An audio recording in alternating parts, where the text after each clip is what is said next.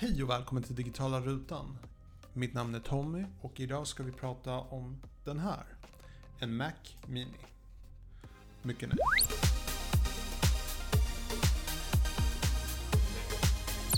Det här är faktiskt, tror det eller ej, min första uh, Mac-dator. Uh, jag köpte den 2012.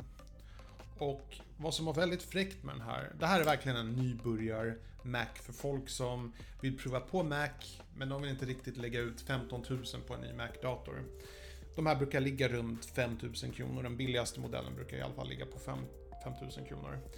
Eh, och då medföljer i princip ingenting förutom en strömkabel. Du får koppla in en, eh, ett tangentbord och mus och skärm. Eh, men det som var väldigt fräckt med just den här modellen från 2012, det var att man kunde skruva upp den här plattan här.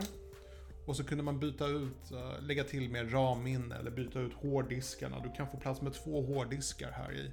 Två stycken SSD-hårddiskar till exempel, som gör att den blir extra snabb. Och vad gäller prestanda så är inte det här riktigt för att redigera videon, men det gick. Jag redigerade faktiskt ett bra antal videon i full HD i alla fall. Um, idén med den här modellen, det är precis som jag sa, det var för folk som ville prova på Mac men var inte riktigt redo att lägga ut stora pengar.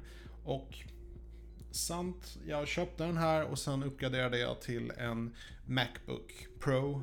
Uh, men det här har ändå ett varm plats i mitt hjärta och trots att jag köpte den här 2012 så används den här fortfarande väldigt flitigt. Jag använder den som en mediaserver till vår TV. Uh, eh, jag använder Plex till exempel.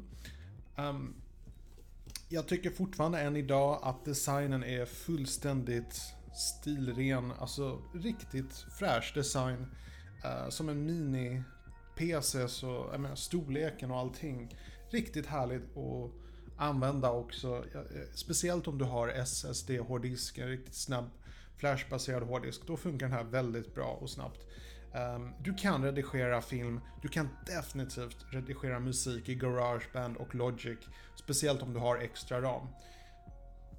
Annars så skulle jag väl inte säga att det här är en maskin du använder för att redigera långfilmer på precis. Ehm, på baksidan här har du en massa utgångar eller rättare sagt ingångar. Du har, eh, du har ett eh, minneskort, en minneskortläsare, du har hörlursuttag, eh, du har Etherport, du har HDMI, Lightning. Allting du i princip behöver. Och det är en väldigt kompakt faktor. Så jag skulle säga att den här är på sätt och vis väldigt bärbar. Den är väldigt bärbar i den meningen att du kan ta med dig vart du än ska. Vi säger att du ska resa, du ska vara på ett hotell. Då kan du bara koppla in den här till hotell-tvn till exempel. Ehm, och den är väldigt billig. Är det värt att köpa en sån här 2018? Jag skulle säga det, för just nu så är Mac-datorer dyrare än vad de någonsin har varit. Så innan det, liksom, det har blivit lite av en prestigefylld sak, men du kanske bara vill prova och se om det är någonting du vill investera stora pengar i. Um, jag personligen, jag dyrkar Mac OS. Jag tycker det är ett fantastiskt operativsystem. Jag älskar att man slipper uppdateringar hela tiden som i Windows och att datorn startar om sig själv hela tiden. Uh, jag saknar inte Windows ett dugg. Uh, Mac OS är definitivt mycket mer flyt. Um, vilket gör att det är ett bättre arbets, arbetsverktyg i min mening. Jag vill gärna kunna jobba ostört utan att operativsystemet påminner mig att jag behöver starta om datorn hela tiden. Um, så att, ja, nej, jag skulle säga att uh, det här är definitivt prisvärt alternativ. Man kan som sagt köpa en sån här för uh, runt 5000 kronor. Inga prostanda monster precis, men de funkar. En sak som är tråkig är att de nyare modellerna är tyvärr sämre än de äldre i den meningen att du kan inte byta ut hårddisk eller lägga till RAM-minne. Allting är fastlöddat på de här tyvärr.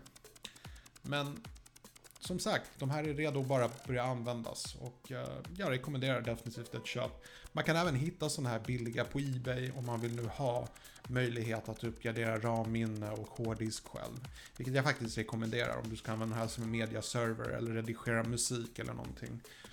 Ett bra köp. Ett väldigt, väldigt bra köp. Det var allt jag hade för idag.